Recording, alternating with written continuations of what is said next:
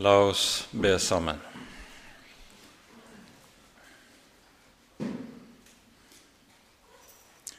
Kjære gode Herre og Hellige Far. Så takker og lover vi deg fordi du har gitt oss din Sønn. Vi takker og lover deg, Herre Jesus, at du elsket meg og ga deg selv for meg.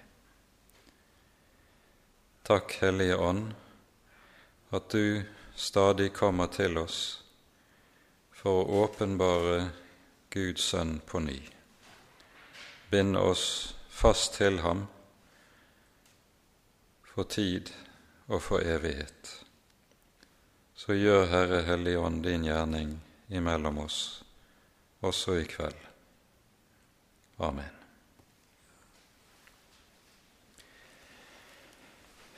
Denne timen er altså viet til eh, det andre kapittelet i første Johannes brev. Det er et relativt langt og innholdsrikt kapittel, så vi kommer slett ikke til å ha mulighet til å gjennomgå alt i detalj. Vi kommer til å hoppe noe i teksten. Men eh, vi gjør det nå sånn eh, til åpning at vi leser fra det første verset og til og med det nittende verset. Mine, mine barn, dette skriver jeg til dere for at dere ikke skal synde. Men hvis noen synder, har vi en talsmann hos Faderen, Jesus Kristus, den rettferdige. Og han er en soning for våre synder, og det er ikke bare for våre, men også for hele verdens. Ved dette vet vi at vi har lært ham å kjenne, om vi holder fast på hans bud. Den som sier 'Jeg kjenner ham', og ikke holder fast på hans bud, han er en løgner, og sannheten er ikke i ham. Men den som holder fast på Hans ord, i ham er sannelig Guds kjærlighet blitt fullkommen. Av dette vet vi at vi er i ham. Den som sier at han blir i ham, han er også skyldig til å vandre slik han vandret. Mine kjære, det er ikke et nytt bud jeg skriver til dere, men et gammelt, et bud dere har hatt fra begynnelsen av. Det gamle bud er det ord dere har hørt. Likevel er det et nytt bud jeg skriver til dere, og det er sant i ham og i dere, for mørket viker bort, og det sanne lys skinner allerede. Den som sier at han er i lyset, og som hater sin bror, han er ennå i mørket. Den som elsker sin bror, blir i lyset, og det er ikke anstøt i ham. Men den som hater sin bror, han er i mørket og vandrer i mørket. Han vet ikke hvor han går, for mørket har blindet hans øyne. Jeg skriver til dere, barn, fordi dere har fått syndene tilgitt for Hans navns skyld. Jeg skriver til dere, fedre, fordi dere kjenner Han som er fra begynnelsen. Jeg skriver til dere unge, fordi dere har seiret over den onde. Jeg har skrevet til dere barn, fordi dere kjenner Faderen. Jeg har skrevet til dere fedre, fordi dere kjenner Han som er fra begynnelsen. Jeg har skrevet til dere unge, fordi dere er sterke, og Guds ord blir i dere, og dere har seiret over den onde. Elsk ikke verden, heller ikke de ting som er i verden. Om noen elsker verden, da er ikke Faderens kjærlighet i ham. For alt det som er i verden, kjødets lyst og øynenes lyst og hovmodig skryt av det en er og har, er ikke av Faderen, men av verden. Og verden forgår og dens lyst, men den som gjør Guds vilje, blir til evig tid. Mine barn, det er den siste time, og like som dere har hørt at Antikrist kommer, så er det alt nå stått frem mange antikrister. Av dette vet vi at det er den siste time. De er gått ut fra oss, men de var ikke av oss. For hadde de vært av oss, så ville de blitt hos oss. Men det skulle bli åpenbart at ikke alle er av oss. Amen. Som Henry var inne på innledningsvis, så er det altså slik at Johannesbrevet eh, imøtegår to grunnleggende vranglærer. Det første er vranglære om Kristi person, og det andre er vranglære som handler om det kristne livet. Det som har med vranglæren rundt Kristi person, det er det som er hovedtema i slutten av dette kapittel 2, og dukker, temaet dukker også opp igjen i kapittel 4. Og Jeg regner med at eh, Jakob Appell i morgen vil ta dette noe grundigere i forbindelse med sin bibeltime over det fjerde kapittelet. Men vi ser altså at hoveddelen av dette som vi nå har lest, det handler først og fremst om det kristne liv, ulike sider ved det. Og Avsnittet begynner altså som vi hører. Mine barn, dette skriver jeg til dere for at dere ikke skal synde. Med det som her sies, så vises det ganske naturlig til det vi hørt, har hørt i det foregående. Forskjellen mellom å leve i lyset, leve i mørket. Og det som jo er selve kjernen i frelsen, det er det at vår Herre Jesus kom til verden for å frelse oss fra synden og fra syndens herredømme, like som fra syndens skyld. Og Derfor er det også slik at liv i Kristus det er uforenlig med å hengi seg til synden. Mine barn, dette skriver jeg til dere for at dere ikke skal synde.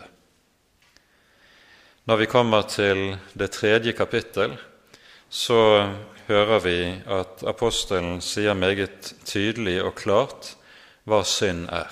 Synd er lovbrudd. Gud har gitt sine ti bud, og Der blir det også meget tydelig og meget klart hva som både er Guds vilje, og hva som dermed også er brudd på Guds vilje. I sammenheng med budene, som vi jo gjerne deler inn i de to tavler Den første tavle, der det handler om forholdet til Gud, den annen tavle om forholdet til vår neste. På den måten så kan vi også dele synden inn i to hovedkategorier. For det første religiøs synd, som er synd mot budene på lovens første tavle. Og den vranglære som apostelen taler om her i brevet, det faller inn under kategorien religiøs synd. Den moralske synd, det er den synd som altså dreier seg om synd i forhold til budene på den annen tavle, det som har med forholdet til vår neste å gjøre. Og når apostelen uttrykker seg som vi hører det her helt allment i begynnelsen av kapittel 2 Dette skriver jeg til dere for at dere ikke skal synde. Så tenkes det på begge typer synd, både den religiøse og den moralske synd. Sammen med det som her sies, hører det som jo er noe av en grunnleggende sannhet i Det nye testamentet når det gjelder det kristne livet. Det kristne livet er, bærer i seg et kall til hellighet.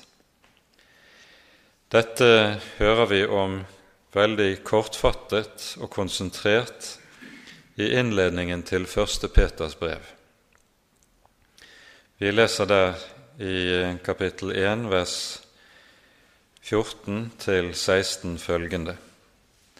Som lydige barn må dere ikke skikke dere etter de lyster som dere før hadde i deres uvitenhet, men vær etter den hellige som kalte dere, også dere hellige, i all deres ferd.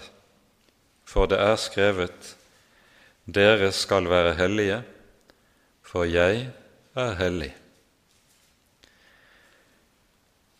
Og Dette budet, som er sitat fra 3. Moseboks 19. kapittel, Dere skal være hellige, for jeg, Herren deres Gud, er en hellig Gud. Dette budet bærer i seg en sammenfatning av hele loven. Poenget er at Han som er vår Gud, han krever i sin lov at det skal være samsvar mellom Hans hellighet og det som vi er i våre liv. Og kampen mot synd dreier seg om denne sak. Samtidig er realiteten den som Johannes i høy grad altså tar høyde for i eh, det vi her hører. Dette skriver jeg til dere for at dere ikke skal synde, men om noen synder. Vi har det gamle mennesket hos oss. Det gamle mennesket blir ikke borte selv om vi har levet med Herren gjennom mange år. Gamle Adam er like sterkt til stede, han er like virksom igjen så lenge vi er her i verden. Og Derfor vil ingen av oss unngå å falle.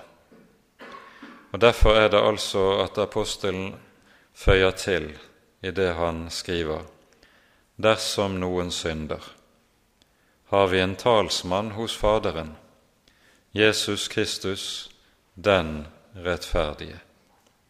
Og han er en soning for våre synder. Ordet talsmann, som her anvendes om Herren Jesus, det er et meget spesielt ord på, i grunnteksten, og et ord som var meget brukt i eh, Det nye testamentets eh, samtid.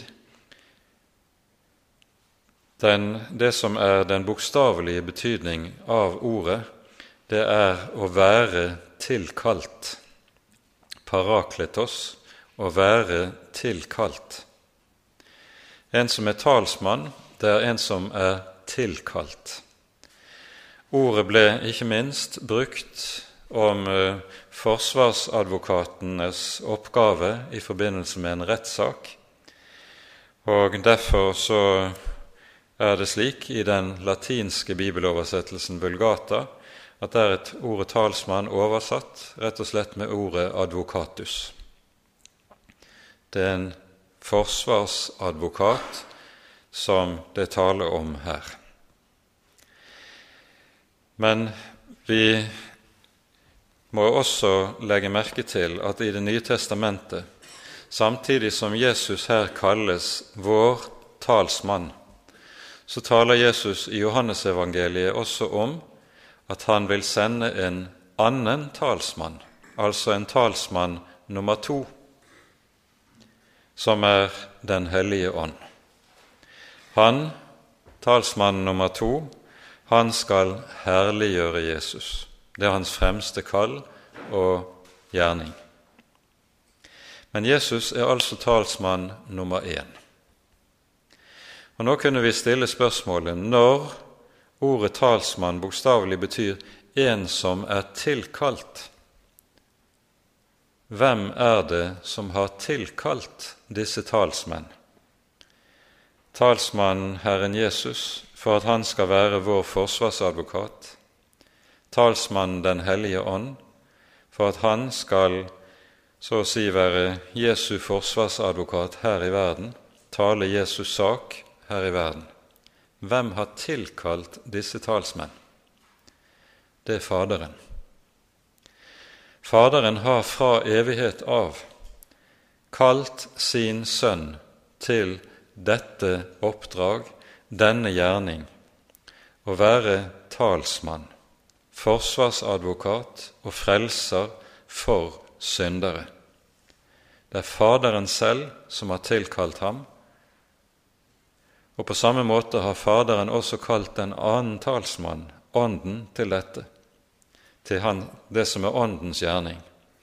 Og på denne måte ser vi hvorledes disse ordene bærer i seg en dyp hemmelighet når det taler om hvorledes den treenige Gud er en Gud som frelser. Og vi må si med Det nye testamentet også slik at dersom Gud ikke var treenig, da var det ingen frelsesgud heller. Hele frelsen hviler i denne sannhet om hvem Gud er, som den treenige, der Faderen kaller Sønnen og Ånden til deres gjerning for vår frelse. Når Jesus er vår talsmann, Hvorledes er det han gjør denne sin gjerning? I Hebreabrevets syvende kapittel står det om Jesu gjerning som talsmann. Det står slik Derfor kan han fullkomment frelse alle dem som kommer til Faderen ved ham, fordi han alltid lever til å gå i forbønn for dem. Hebreerne 7, 25. Her sies det meget sterke ting om Jesu person. For det første sies det derfor kan han fullkomment frelse. Det er altså tale om en frelse som ikke er halvveis, vil Si en frelse som har det med seg at noe hviler på deg og på meg, noe står på deg og meg som vi skal yte i denne sammenheng. Nei, den frelse som Han gir og fullbyrder, den er fullkommen. Det mangler intet i den som du og jeg skal behøve å skjøte på. For det andre sies det om ham han lever alltid for å gå i forbønn for oss. Jesu gjerning som vår frelser, den var så å si ikke ferdig mens han var her på jorden. Synden er sonet en gang for alle på korset. I det er Bibelen helt entydig. Det er intet som står igjen å sone, og som Jesus ikke har tatt på seg da han døde på korset. En gang for alle er synden sonet.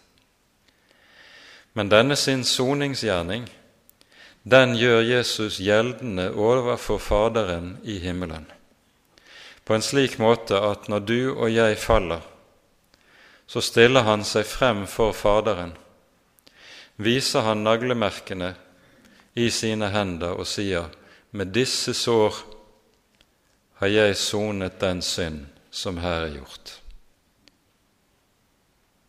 Derfor kan du ikke straffe ham. Derfor kan du ikke holde hans synd imot ham.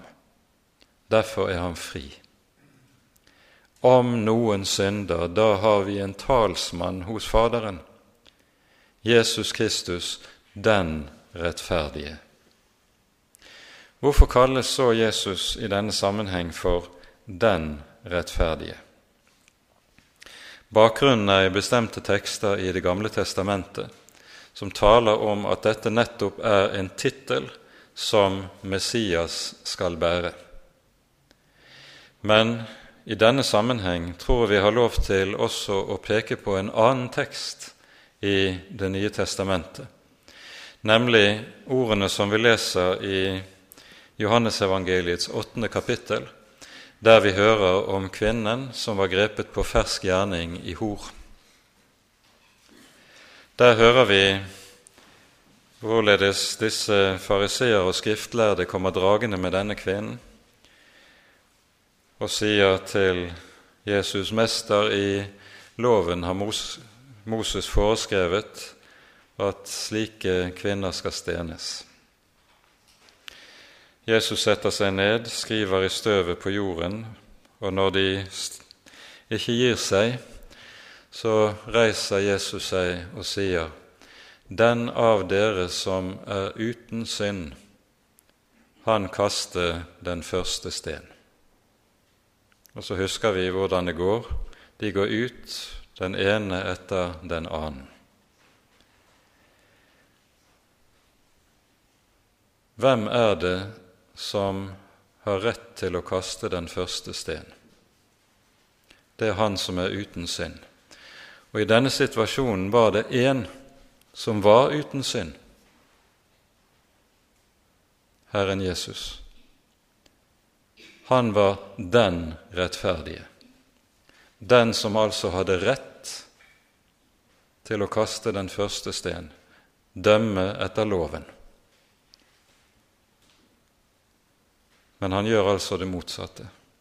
Heller ikke jeg fordømmer deg, sier Jesus. Og det er nettopp det som er det store under, at han som har rett til å fordømme, for sitt blods skyld, for sin lidelses og døds skyld, så gjør han det ikke. Det er nådens under som ligger gjemt i dette. Og det å være en kristen, det er å leve i dette nådens under, fordi det jo er slik at ingen av oss blir noensinne her i verden ferdig med synden. Derfor blir ingen av oss her i verden heller uavhengig av at Jesus på ny og på ny trer inn som vår forsvarsadvokat, står for Guds trone og ber om igjen og om igjen uten å gå trett for syndere, og han er en soning for våre synder. I Salme 65 står det slik:" Når mine misgjerninger er blitt meg for tunge, så forlater du våre overtredelser. Sånn er det oversatt, men ordet som brukes i grunnteksten, det er sone når mine misgjerninger er blitt meg for tunge, så soner du våre overtredelser. Han er en soning for våre synder. Og så føyer han til, og ikke bare for våre, men òg for hele verdens. I dette er det Det nye testamentet understreker med den største styrke at når Jesus lider døden på Golgata, så er det ikke bare for de troendes skyld, de som Gud vet kommer til å få del i frelsen. han lider bokstavelig for all verdens synd. Alle menneskers synd. Helt uavhengig av hvem de er, hvor de er, når de har levet. Frelsen er universell. Og dette er helt grunnleggende i vår bibel. Og så fortsetter apostelen med å skrive som vi leser fra vers 3. Ved dette vet vi at vi har lært ham å kjenne, om vi holder fast på hans bud. Den som sier 'jeg kjenner ham' og ikke holder fast ved hans bud, han er en løgner, og sannheten er ikke i ham. Oversettelsen her gjengir grunnteksten altså med ordene 'å holde fast på Herrens bud', 'holde fast på Herrens ord'. Og dette er, som vi har vært inne på, den første og den grunnleggende frukt av frelsen.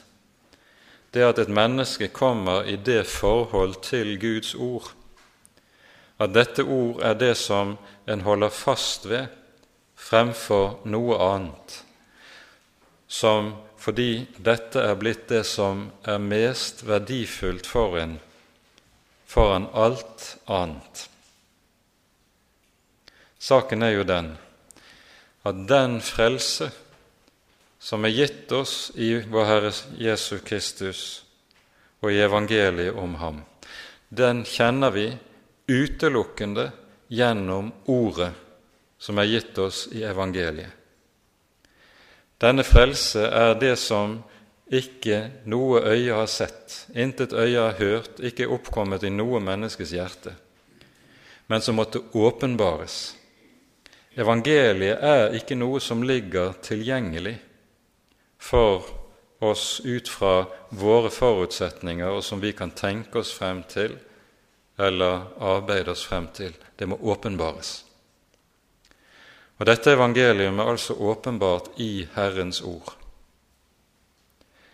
Og Derfor er det også slik at dette ord blir det mest dyrebare et Guds barn eier, som han ikke kan vike fra, for han vet med seg selv livet mitt står og faller med dette ord. Uten dette ord mister jeg alt. Og Derfor står det altså omsatt slik om vi holder fast ved Hans bud, ved Hans ord. Det er altså ikke bare oversatt først og fremst sånn som i eldre oversettelser, der det sto at vi holder Hans bud. Da dras forståelsen meget fort i retning av det å holde Guds hellige lov og som om han holdt budene var et kjennetegn på at en var en kristen. Ja, en kristen skal strebe etter hellighet. Ja, en kristen skal kjempe mot synden. Men kjennetegnet på en kristen, det er forholdet til Ordet. At en holder fast på dette ordet vokter det som det mest verdifulle en eier. Derfor er det også Jesus sier, og det vi har lest, leser i dette avsnittet her, det viser i flere sammenhenger tilbake til Jesu avskjedstale til disiplene som vi, slik vi finner den i Johannesevangeliet fra kapittel 13 til 16. Og nettopp i dette avsnittet hører vi Jesus også si om noen elsker meg, da holder han fast på mine ord. Den som ikke elsker meg, holder ikke fast på mine ord. Altså selve kjennetegnet på det rette forholdet til Jesus ligger i forholdet til Hans ord. Og det er denne grunnleggende sak som Johannes på ny drar frem og understreker for menighetene i det han her skriver. Og så hører vi i vers 5.: den som holder fast på Hans ord, i ham er sannelig Guds kjærlighet blitt fullkommen. I de tidligere oversettelsene så sto det annerledes omsatt. Da sto det 'I ham er sannelig kjærligheten til Gud blitt fullkommen'. Et uttrykk som fort ledet mangt et kristent menneske inn i anfektelse. For en så inn i sitt eget hjerte og tenkte hvor i alle dager er kjærligheten til Gud i mitt eget hjerte?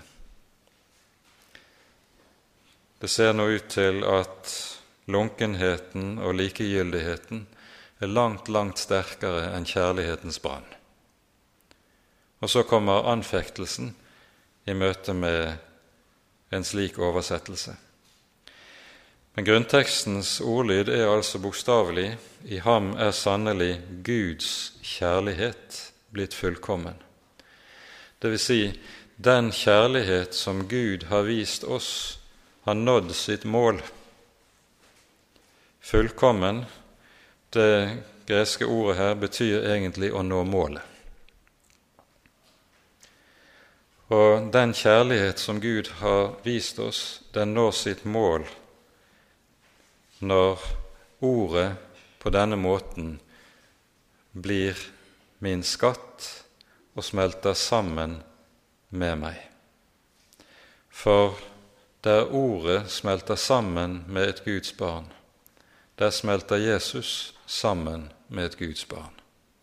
De ting henger uløselig sammen. Den som sier at han blir i ham, han er også skyldig til å vandre slik han vandret. Og med det kommer talen i de neste versene om etterfølgelsen. Mine kjære, det er ikke et nytt bud jeg skriver til dere, men et gammelt, et bud dere har hatt fra begynnelsen av. Det gamle bud er det ord dere har hørt. Likevel er det et nytt bud jeg skriver til dere, og det er sant i ham og i dere. Nå skriver ikke Johannes direkte hvilket bud det er han skriver, men vi forstår av sammenhengen det som kommer i de følgende vers, der det taler om å hate sin bror og elske sin bror, at det taler om kjærlighetsbudet. Og ordlyden som Johannes her gjør seg bruk av, den svarer nøyaktig til Jesu ord i Johannesevangeliets 13. kapittel. Et nytt bud gir jeg dere, sier Jesus, at dere skal elske hverandre like som jeg har elsket dere.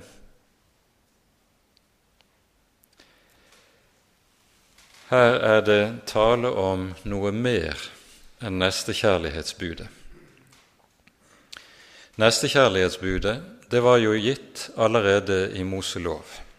I 3. Mosebok kapittel 19 vers 18 der står ordene 'Du skal elske din neste som deg selv'.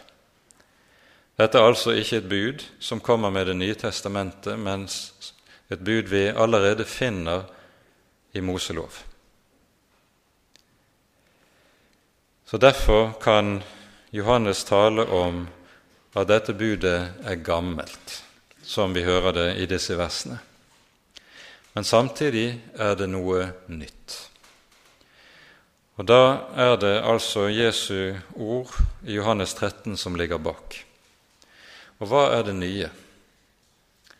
Jesus sier, 'Dere skal elske hverandre like som jeg har elsket dere'. Det er ordet 'likesom' som gjør dette budet til et nytt bud. For dette ordet 'likesom' det gjør at dette ordet fra Jesu munn det er noe mer enn bare et lovens bud. Det er et ord som samtidig har det med seg at det peker på det grunnleggende i hvorledes den kristne broderkjærlighet og nestekjærlighet blir til. Likesom. I Lukasevangeliets syvende kapittel hører vi denne fortellingen om kvinnen i fariseeren Simons hus, som vasker Jesu føtter med sine tårer og tørker dem med sitt hår. Og så sier Jesus i forlengelsen av dette Den som er meget tilgitt, elsker meget.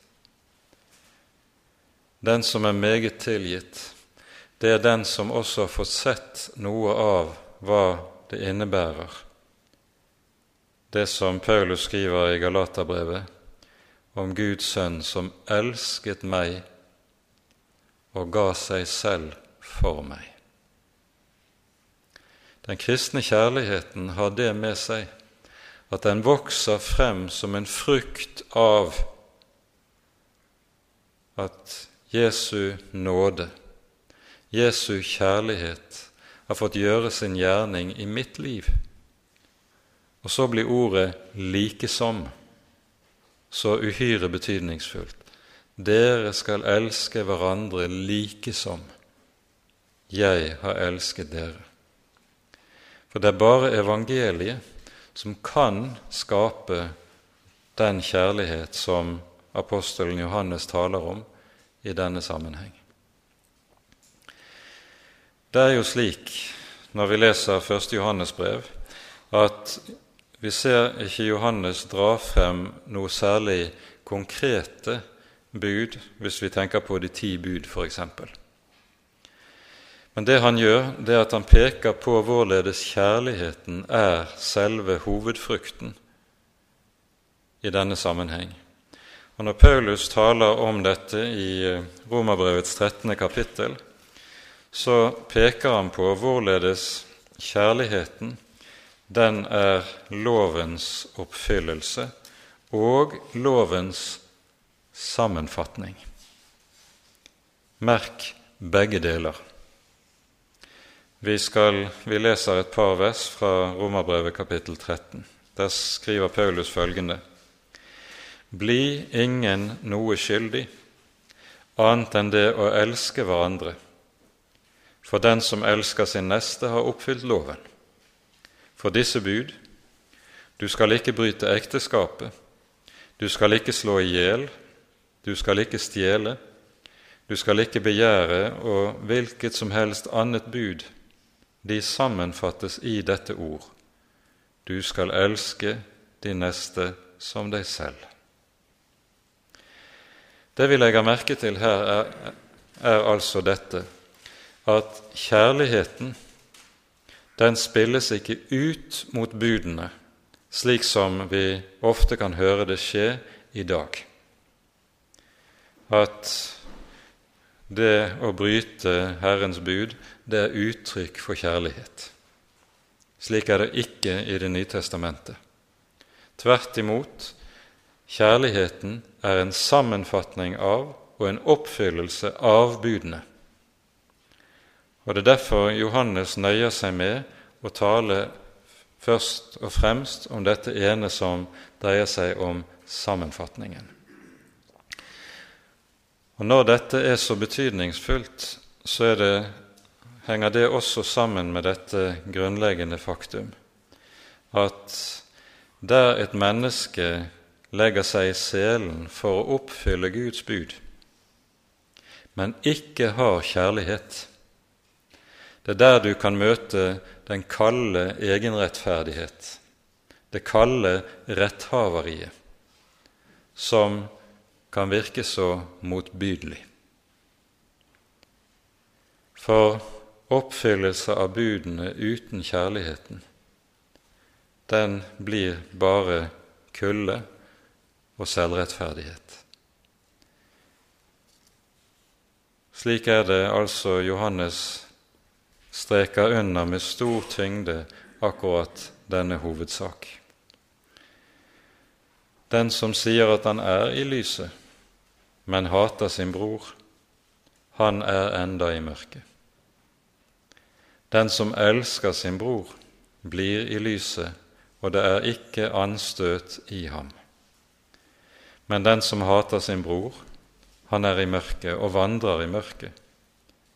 Han vet ikke hvor han går, for mørket har blindet hans øyne. I parentes må vi her føye til at når Johannes bruker ordet 'bror' i brevet sitt, så tenkes det i denne sammenheng først og fremst på den kristne broderkjærlighet. Den innbyrdes kjærlighet som er og skal være mellom de troende. Denne er helt avgjørende, og eh, den har det med seg at den er en av de første frukter av at et menneske kommer til liv i Gud. En som er et verdensmenneske, og som ikke bryr seg det aller minste om uh, Gud og kristen tro, han bryr seg også i meget liten grad om å være sammen med troende mennesker. Men der et menneske lærer Jesus å kjenne, kommer til liv i Gud gjennom syndenes forlatelse, der blir det umiddelbart slik at han får en hjertetrang til å være sammen med andre troende. De som han før helst unngikk, det er de en nå først og fremst søker å være sammen med. Og Derfor er broderkjærligheten en helt naturlig følge og frukt av at et menneske kommer til liv i Gud. Og Derfor er det også slik at kristen tro det er og blir en fellesskapsreligion. Andre religioner er i veldig stor grad det man kan kalle for privatreligioner, der man kan utøve sin religiøsitet, sin gudsdyrkelse, privat og i ensomhet. Kristen tro det har med fellesskap å gjøre. For når jeg kommer til tro på Jesus, så blir jeg et lem på Kristi legeme. Og de andre lemmer, det er jo de andre troende, det. Og så vet man vi hører sammen. Vi hører sammen. Og Derfor er også det som Johannes her skriver, helt treffende. Den som sier at han er i lyset, men som hater sin bror, han er i mørket. Et lem på Kristi legeme kan ikke hate et annet lem. Nå kommer det et nytt avsnitt der apostelen likesom sammenfatter som grunnlag for det han skriver om det kristne livet, han sammenfatter hvem de troende er.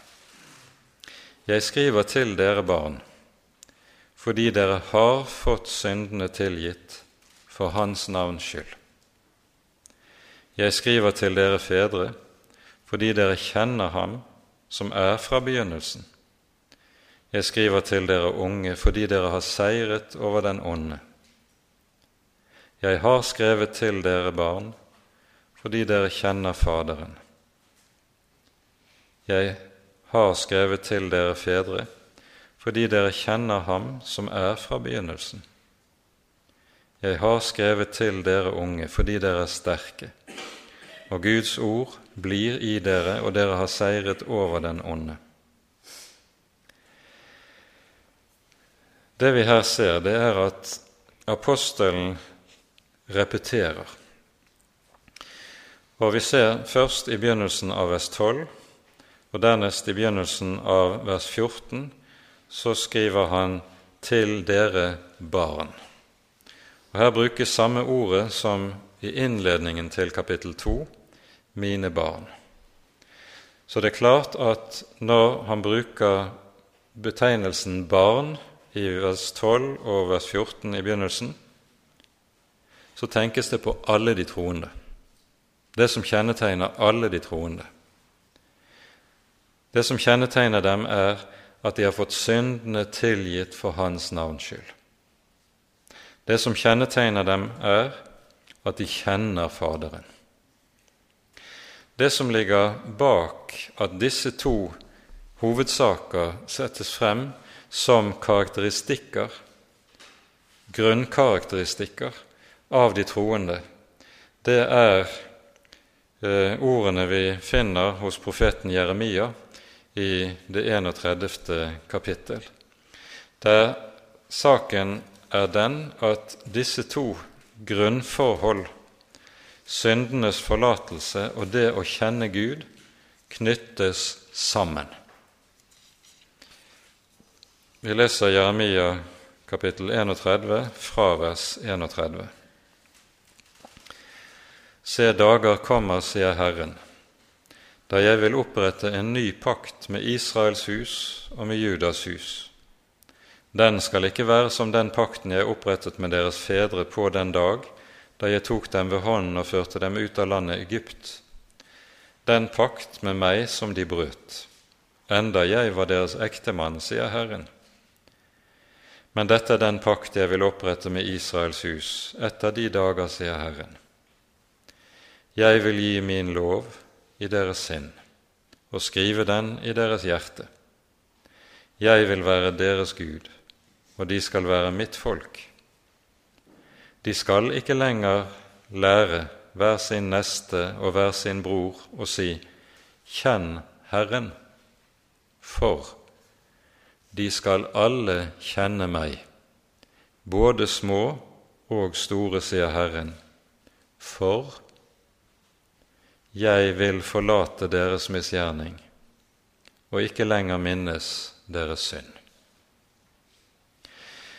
Her er det sånn at dette siste 'for' står som begrunnelse for det som vi leser i det foregående. Med andre ord det at syndene forlates, er grunnlaget for, for det første, at de kjenner Herren. For det andre, at Guds lov blir skrevet inn i deres sinn og i deres hjerter. Syndenes forlatelse er det som er grunnlaget for den nye pakt. Og det er dette som Johannes anvender i det han her skriver, når han peker på de to grunnleggende hovedsaker som kjennetegner alle kristne. Jeg skriver til dere barn fordi dere har fått syndene tilgitt for Hans skyld. Jeg skriver til dere barn fordi dere kjenner Faderen. Og så, etter dette, kommer det så noen ord til ulike grupper i menigheten til fedrene og til de unge. Og Hele poenget med det som her sies, det er at her peker Johannes på hva det er de troende har og eier i kraft av evangeliet, i kraft av sin kristenstand.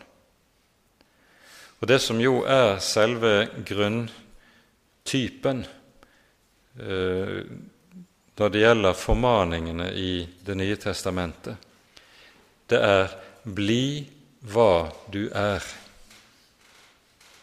Dere er hellige, så vær da hellige. Dere er rene i Kristi blod, så vær da rene i all deres ferd. Sånn kunne vi fortsette. Bli hva du er. Eller sånn som det formuleres i åpenbaringsboken i kapittel 22 La de hellige enda bli helliggjort. Det er nemlig bare de som er hellige, altså de som hører Jesus til ved troen. Det er bare de som kan helliggjøres, ingen andre. Og Det er dette altså apostelen bruker som fundament under sin videre tale om hvordan de kristne skal skikke seg i verden. Og så kommer dette avsnittet da fra vers 15 til 17 om forholdet til verden. Elsk ikke verden, heller ikke de ting som er i verden. Om noen elsker verden, da er ikke Faderens kjærlighet i ham. For alt som er i verden, kjødets lyst og øynenes lyst og hovmodig skryt av det en er og har, det er ikke av Faderen, men av verden. Og verden forgår og dens lyst, men den som gjør Guds vilje, blir til evig tid. Ordet 'verden' er et hovedord i Johannes sine skrifter. Både Johannesevangeliet og Johannesbrevene møter vi dette begrepet meget hyppig. Og det kan ha litt forskjellig betydning avhengig av sammenhengen. Men slik som begrepet anvendes her, så er det tale om den gudfiendtlige verden. Verden som en makt som står Gud imot. I tråd med dette så sies det f.eks. i kapittel 5 her i 1. Johannes brev hele verden ligger i det onde. Og djevelen kan kalles for denne verdens gud. Verden i, brukt på denne måten, det er altså tale om en gudfiendtlig makt, der de troende advares på det sterkeste både mot å tenke på samme måte som og leve på samme måte som verden gjør det. Det som kjennetegner de troende, det er at de er i verden, men ikke av verden. Det hører vi i Johannesevangeliet kapittel 17. Ved troen på Jesus er det satt et skille mellom dem og den verden som de lever i, og som gjør at Guds folk er og blir et annerledes folk. Og Denne annerledesheten kommer bl.a. til uttrykk i at de troende elsker ikke det som verden elsker, streber ikke etter det som verden streber etter. Det som har stor betydning for verden, det er ikke det som har størst betydning for Guds barn, osv., osv. Elsk ikke verden, heller ikke de ting som er i verden. Samtidig så møter vi det underlige altså i Johannesevangeliet at nettopp denne gudfiendtlige verden det er den Herren Jesus ga seg selv for. Så har Gud elsket verden at han ga sin sønn, den enbårne. Og når Gud elsket verden, så var det nettopp for å fri ut fra verdens, fri ut fra det ondes makt og herredømme.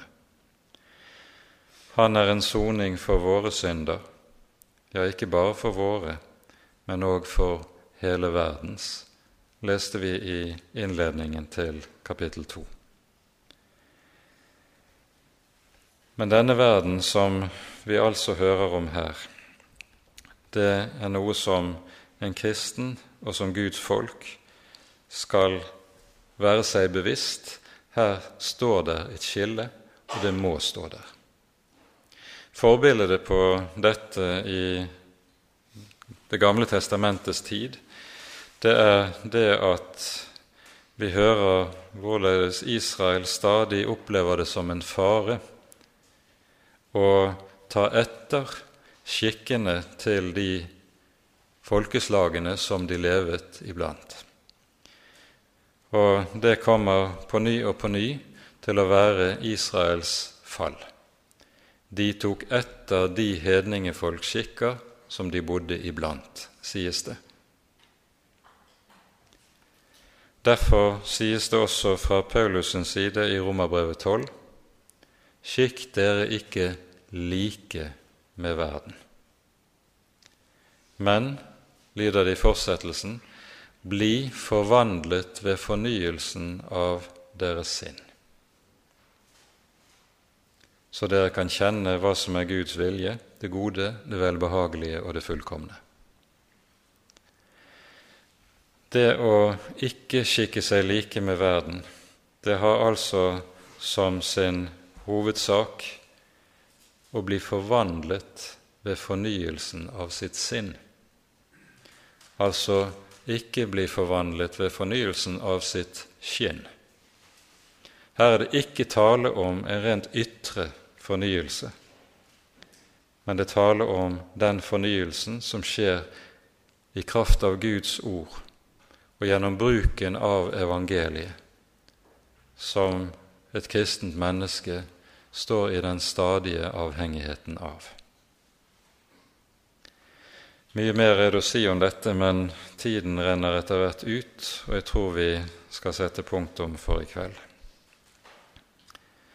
Ære være Faderen og Sønnen og Den hellige ånd, som var og er og være skal, en sann Gud, høylovet i evighet. Amen.